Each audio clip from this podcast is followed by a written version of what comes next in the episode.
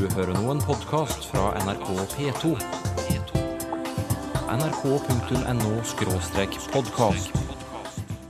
Blir kveld, og så blir morgenkveld, og så blir enda en gang til hvis ikke jeg blir stein.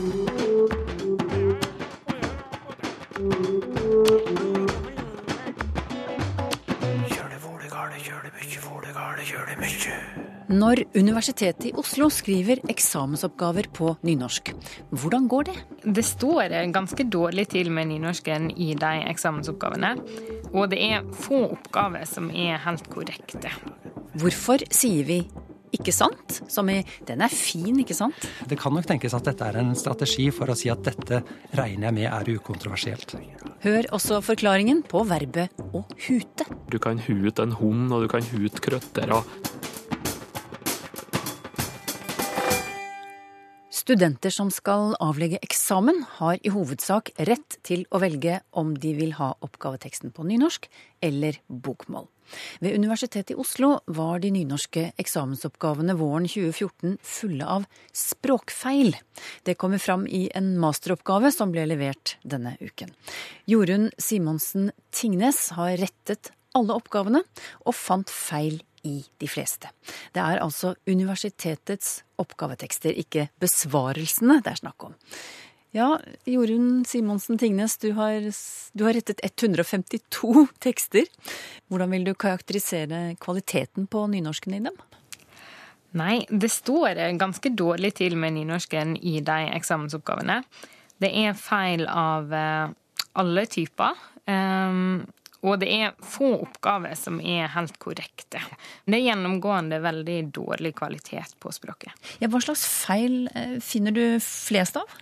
Eh, det er veldig mange bøyingsfeil, både substantiv og verb, spesielt substantiv. Og det kan jo òg henge sammen med at en i utgangspunktet da har tatt feil artikkel på substantivet, så, som da fører til eh, bøyingsfeil, eller at en bare ikke kjenner tilbøyingssystemet i nynorsk.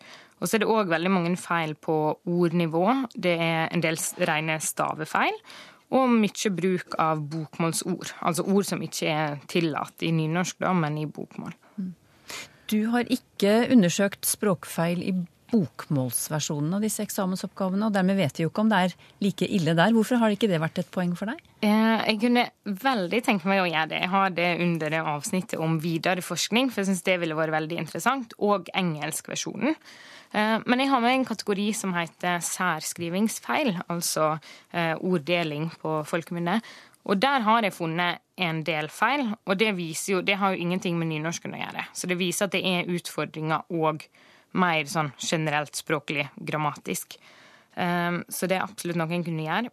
Hvem er det som skriver disse nynorsktekstene som du har rettet? Ja, Det er et veldig godt spørsmål. Det har jeg strevd med å finne ut. Så Det kommer jo da inn på hva system universitetet har for å oversette eksamener. Eh, det varierer. Mange faglærere lager jo oppgavene, det er jo det som er det vanlige. Og noen av dem oversetter de sjøl til nynorsk, mens andre bruker administrasjonen. Mens noen igjen bruker et byrå. Så det er veldig varierende. Du sier at eh, tallene på feil og avvik er gjennomgående høye. Eh, hva ligger i det? Det varierer selvsagt fra fakultet til fakultet, men eh, f.eks. det matematisk-naturvitenskapelige fakultetet, som er det som kommer dårligst ut, de har feil i, morfologisk feil, altså bøyingsfeil, i 95% av alle eksamenene sine. Eh, og de har eh, feil i Altså de bruker bokmålsord i 68% av alle eksamenene. Så det er mange fakultet som ligger på sånn at det er feil i ca. 50% av alle eksamenene. Og det er jo veldig mye. Hvorfor blir det så mange språkfeil, slik eh, du ser det? Hvis du spør de som skriver sjøl, så er, peker de på manglende kunnskap eller ferdighet eller dugleik. Altså de sier en tre, under en tredjedel av de jeg har snakka med som har laga eksamensoppgave, hevder at de kan nynorsk godt. Og bare det tallet i seg sjøl sier jo litt når det er faktisk de som gjør jobben. Så det er mange som skulder på tid, at eksamensperioden er travel. De har ikke tid til å slå opp i ordboka, f.eks. Eh, og det knytter de òg opp til motivasjon, da. Og motivasjon for å bruke tid på det her. Eh, og så er det selvsagt mangel av gjennomlesing. Jeg mener jo at den mangelen på kunnskap, ja, selvsagt, men òg en sånn nedprioritering generelt av tid og penger både hos enkeltpersoner, men her er det jo et leieransvar, mener jeg. Fordi at eh, å prioritere å sende folk på kurs, f.eks., det koster penger, det tar tid. Men det er noe som ledelsen må ta ansvar for. Og vi vet at i 2013 så var det ingen ved Universitetet i Oslo som var på nynorskkurs. Eh, mens det var 17 på kurs i akademisk bokmål. Ja. I, I, konklusjonen din eh, i oppgaven skriver du bl.a. at du mener det er en sammenheng mellom holdninger til språk og alle disse språkfeilene i, i tekstene. Hva mener du med det? Ja, Holdninger er jo noe som er vanskelig å måle, men du kan jo mellom annet se, på det, se holdninger i dine prioriteringer. Da. Hvorfor blir det ikke prioritert tid og penger på nynorsk og på arbeidet med nynorsk? Kanskje er det fordi at de ikke syns det er viktig nok. Og da gjelder det jo både nynorsken, men det handler jo òg om lovverket. At det ikke er en respekt for lovverket som ligger der, og for den nynorskbrukende studenten og rettene til studenten.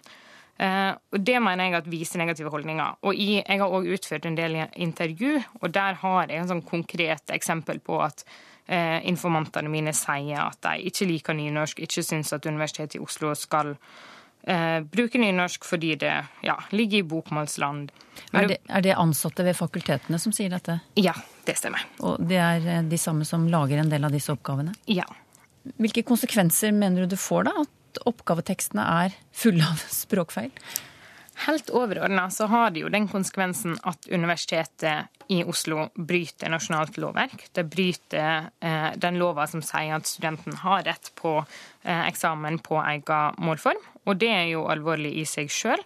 Eh, og så har det konsekvenser for studenten som sitter der på eksamensdagen. Det er jo litt avhengig av eh, altså hvor alvorlig den feilen er, da. Men det kan jo skape usikkerhet, forvirring Eh, kanskje misforståelse av oppgaveteksten.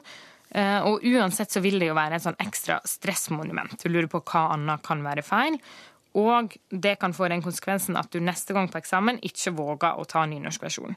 Og det fører oss over på neste, neste konsekvens, som er litt mer sånn språkpolitisk art. Og det er jo at sånn når en ikke respekterer språk, språklige retter, så blir jo de svekt. Og når disse rettene er til mye for å verne om minoritetsspråk, og da her nynorsken, så kan det jo være med å svekke stillinga til nynorsken. Og da den språklige sjøltilliten til studenten som har nynorsk som hovedmål. Det sa Jorunn Simonsen Tingnes, som denne uken leverte masteroppgaven sin ved Universitetet i Oslo.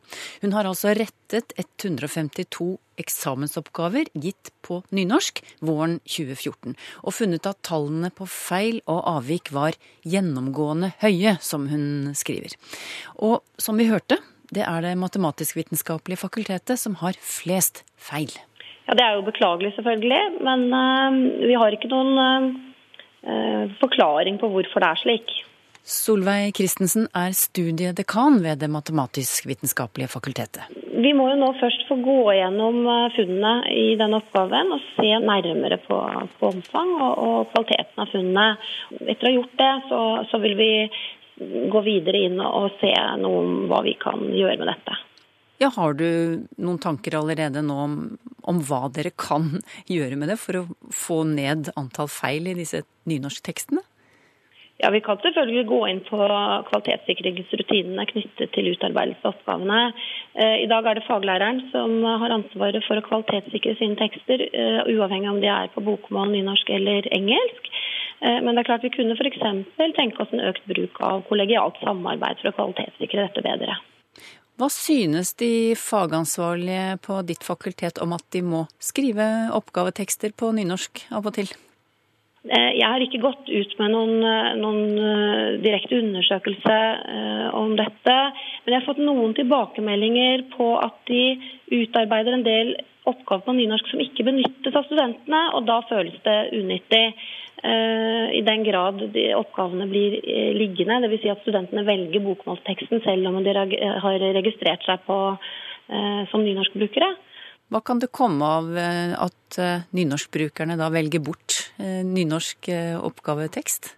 Det vet jeg rett og slett ikke, det har jeg lurt på også. Men vi har jo ikke hatt noen kommunikasjon med studentene om dette, så det, det, det har jeg ikke noen formening om. Har dere hatt noen klager noen gang på kvaliteten på nynorsken i oppgavetekster? Nei, det har vi ikke. Eh, og Derfor så var vi også litt overrasket over disse funnene. Eh, for vi har faktisk ikke hørt noe fra studentene, verken fra enkeltstudenter eller fra studentorganisasjonene. Så langt studiedekan Solveig Christensen ved Universitetet i Oslo.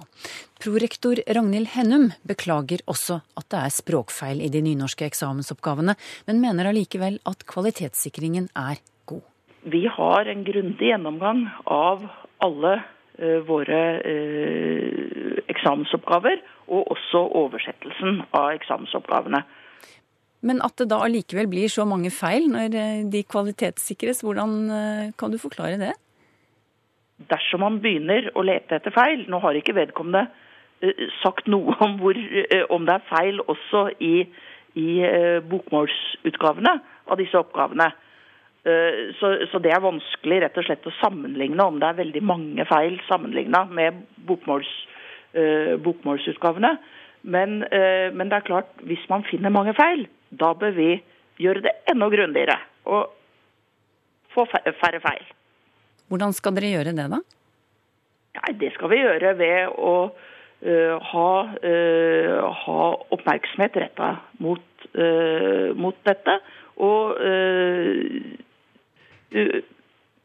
si til de enhetene altså som har ansvaret for det, fakultetene har ansvaret for det, og legge vekt på hvor viktig det er å gjøre ordentlige, eh, ordentlige nynorskutgaver av eksamensoppgavene.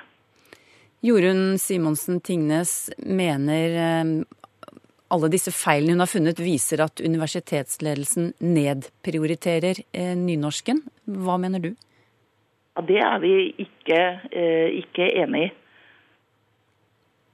Nei, hvorfor ikke? Nei, vi, som, som jeg har gjort rede for nå tidligere, så har vi eh, betydelig oppmerksomhet knytta til at vi skal ha oppgavesett på korrekt bokmål og korrekt nynorsk. Um, Jorunn Simonsen Tingnes sier også at universitetet bryter loven når språket i de nynorske eksamensoppgavene ikke er korrekt. Hva vil du svare til det? Det eh, er jeg helt uenig i. Eh, det foreligger nynorske nynorskoversettelser av alle eksamensoppgaver sånn vi skal gjøre det etter loven. Så vi bryter ikke loven. Det står ingenting i loven, så vidt jeg vet, at hvis du har mer enn fem feil i oppgaven, så bryter du loven. Prorektor Ragnhild Hennum ved Universitetet i Oslo fikk siste ordet i denne omgang.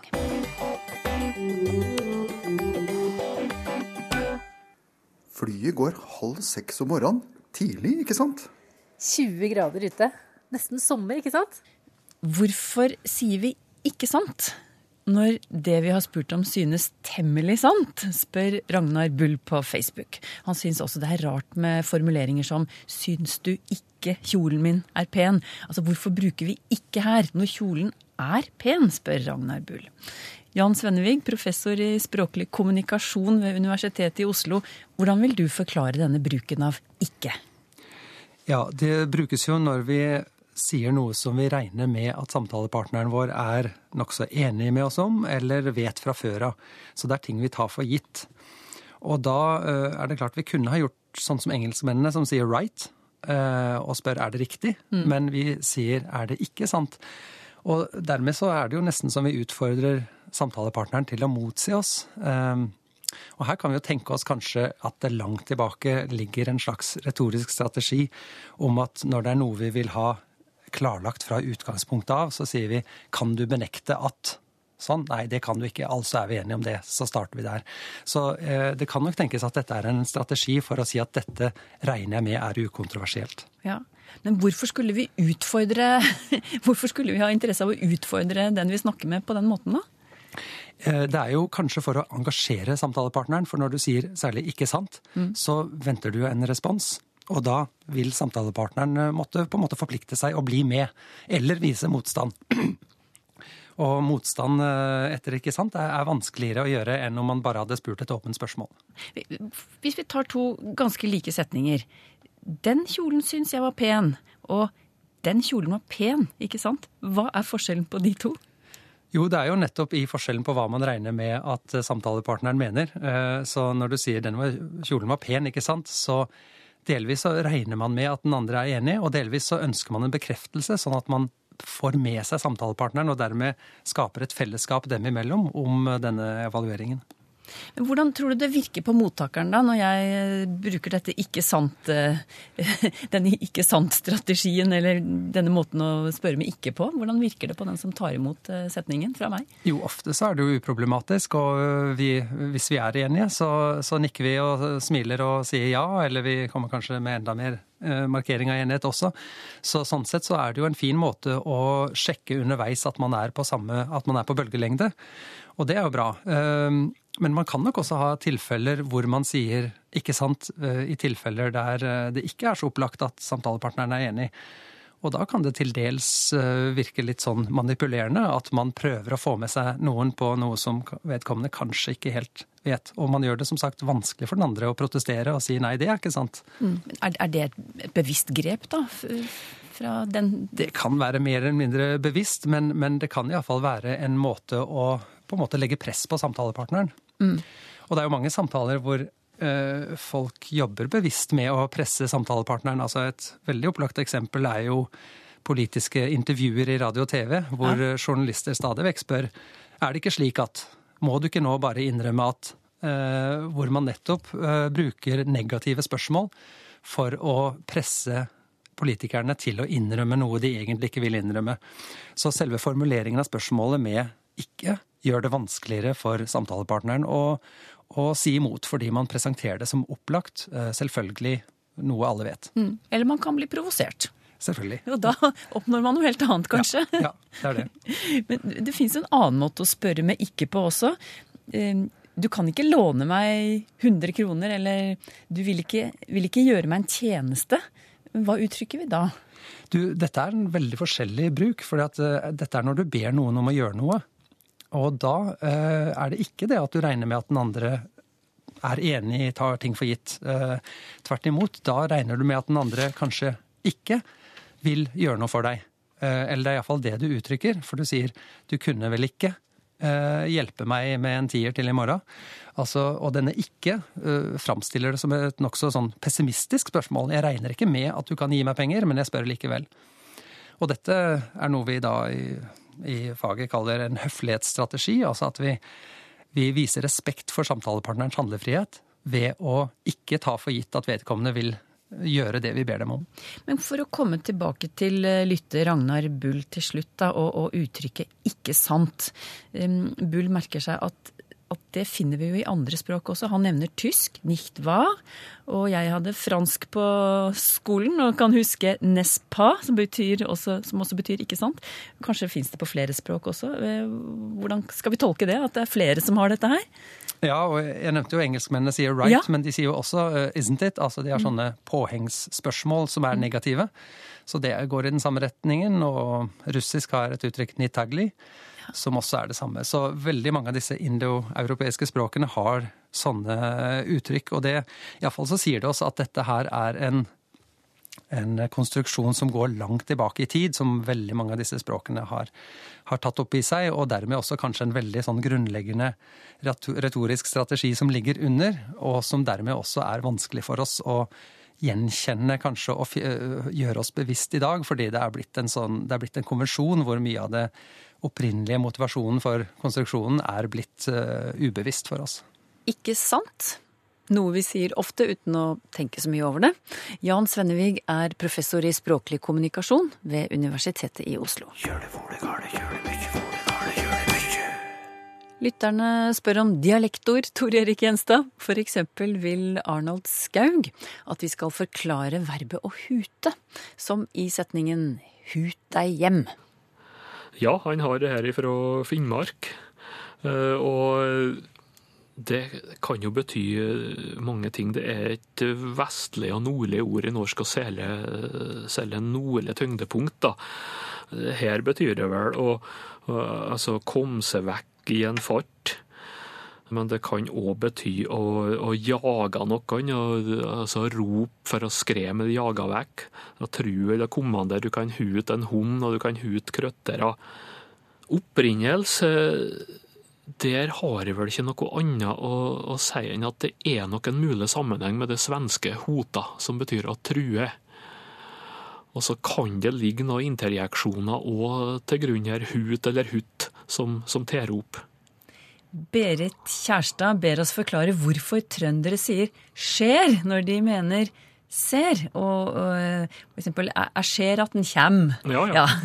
Og så lurer hun på om det er andre ord i trønderdialekten som også uttales med 'sj' når ordet begynner med en s. Ja, eh, det som skjer her er jo presens av å, å se, da.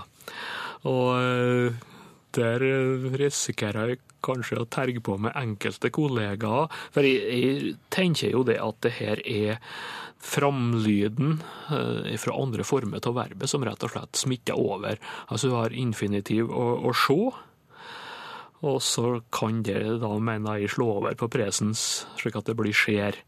Og du har jo også partisippen eh, skjett eller skitt. Så eh, det er nå det jeg tror. Men det er også en tendens i deler av trøndersk, særlig Nord-Trøndelag, eh, til at du får ei slags diftongering, eller brytning, kan kalle det, av lang e. Eh, Altså ser, eller sær, da, kan bli til skjer. Du har eksempel uttrykket skjer og kvar, som betyr hvor for skje. De har flytta skjer og kvar, eller skjer og kvart. Og du har einskjær, ei sammensetning. Einser, egentlig, som betyr særegen, original, aparta, litt utenom det vanlige. nordrønderske dialektord. Så da er det altså S pluss lang E, så du har fått en slags eh, brytning til, til skje. Og Tilsvarende har du når nordtrøndere snakker om kjett i stedet for tett. Og i et litt mindre område også lett i stedet for lett. Så det kan være den tendensen nå som gjør at vi har fått denne presensforma skjer. Problemet er jo det at den er, går langt utover det området der du ellers har typen skjer og kvar og einskjær og, og, og kjett osv. Det er jo helt vanlig. Så det er ikke noen enkel løsning på det, men ei av de to forklaringene her, eller en kombinasjon, er det nok som ligger bak. Og i tilknytning til det her, så kan vi jo nevne at det her typiske trønderske sjø, eller sju, som betyr da forstår du, eller innser du, uh, innser du skal du høre, som da blir sagt når en har lagt fram et faktum, eller forklart noe. Uh, sånn er det sjø. Det kommer av ser du. Guro Skinnes forteller at Grepa stolt av Valdres. Det er et slagord for Valdres som har blitt etablert de siste årene. Og Så lurer hun på om dette er riktig bruk av ordet grepa. Og er grepa et adjektiv, et adverb, eller er det begge deler? Hun fortsetter. Vi pleide jo å si her i sørenden av Valdres et grepa kvinnfolk. Men kan man si je er grepa stolt av Valdres? På vår dialekt høres det ikke riktig ut, avslutter hun. Ja, nå er det jo ikke uvanlig at ord går over til å bli forsterkere og bli forsterkende adverb, slik som vi ser her. Det har vi jo hatt mange eksempel på også her i, i Språkteigen. Men det er klart, det, det, ser ut som det kan være ganske nytt, akkurat det der. Og det er jo riktig det at grepa vanligvis er, er et adjektiv som betyr gild, gjev framifrå. Grepa kar, som var nevnt her. Ei grepa kjerring, en grepa gutt, ta et grepa tak og en grepa fest. Kanskje særlig Synnafjells, det der. Opprinnelig er det genitiv eintall av et norrønt ord griper, som betydde verdifull eiendel. Slikt, så det var den som var, var grepa. Men som adverb så er det også gammelt, i betydning framifrå overlag. Altså en grepa gild mann, en grepa god kniv. Og det, det finnes spredd på østlandsområdet særlig, og det er belagt i ordsamlinga allerede tilbake på 1700-tallet.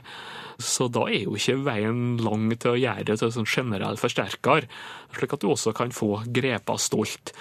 Mulig at det òg kan være påvirka av grådig stolt, altså med grådig som forsterker. Mm. Men det er første gang du har hørt det brukt på denne måten? Ja, det er nok første gang jeg har vært borti det, ja. Inge Gjenstad fra Lillehammer vil vi skal kommentere noe de sier i Kristiansund. Bli med hjem til vårres og se på katta oss. Her handler det om eh, eiendomspronomen, og han sier at dette her er eiendommelig. Ja, det er nå egentlig det. Eh, bli med hjem til våre og se på Kattaås, ja. Det er egentlig en klassiker når en skal herme Kristiansund her, for det er jo egentlig bare der de kan si noe slikt. Altså, Til våres er kanskje ikke så spesiell akkurat den, for det er jo vanlig f.eks. rundt Oslofjorden at de eh, sier 'bli med hjem til vårs'. Eh, Eller til våres, og da er det vel eh, våres hus eller våres heim som kanskje er underforstått eh, der, da. Nå er det jo slik at pronomenformer kan gå litt om hverandre. Det er jo mange former ute og går. Det er subjektsform, det er objektsform, og så er det jo de her eiendomsformene. Og fra gammelt så var de jo Da hadde jo både entall og flertall, men du har også totall. Altså når det gjaldt to. Så de her eh, formene okka og okkan eh, for vår, det går jo tilbake på gamle totallsformer.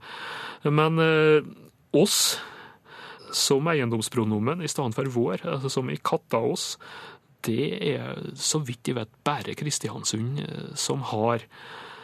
Og det er flere eksempel på det. Jeg hører et lydbåndopptak med litt gammeldags Kristiansund der. Og der heter det altså Der vi hadde folket oss, da, slektningene, altså folket vårt. Så kan bruke det slik òg, altså uansett kjønn. Men det er vel et resultat av at det pronomene har litt for å, å overta funksjonene til hverandre og, og gli litt over i hverandre. Men pussig at det bare er avgrenset til Kristiansund. Hvordan kan du forklare det? Ja, det er vanskelig å forklare, men eh, nå har det jo eh, vært til dels en ganske sterk opposisjon mellom Kristiansund og Opplandet. Eh, Litt sånn fiendskap og, og, litt eh, motsetninger. Så, og, og det er Kristiansunds trekk. De sprer seg ikke noe voldsomt eh, ellers på Nordmøre. Da må de i tilfelle ha støtte også fra Trondheim, og det har jo ikke det her. Så det, det er stor forskjell på Kristiansund og, og omlandet på mange måter. Har du spørsmål til Språkteigen? Skriv til Teigen, krøllalfa nrk.no, eller til Språkteigen, NRK P2, 7005, Trondheim. Så finner du oss også på Twitter og på Facebook. Hvis jeg sier unnskyld, da, hva gjør da med unnskyldningen min? Eh, Når du sier unnskyld, da, så kan det f.eks. være unnskyld fordi du ba meg om å si unnskyld, og til tross for at jeg kanskje ikke egentlig hadde tenkt å si unnskyld. Om det lille ordet da neste gang.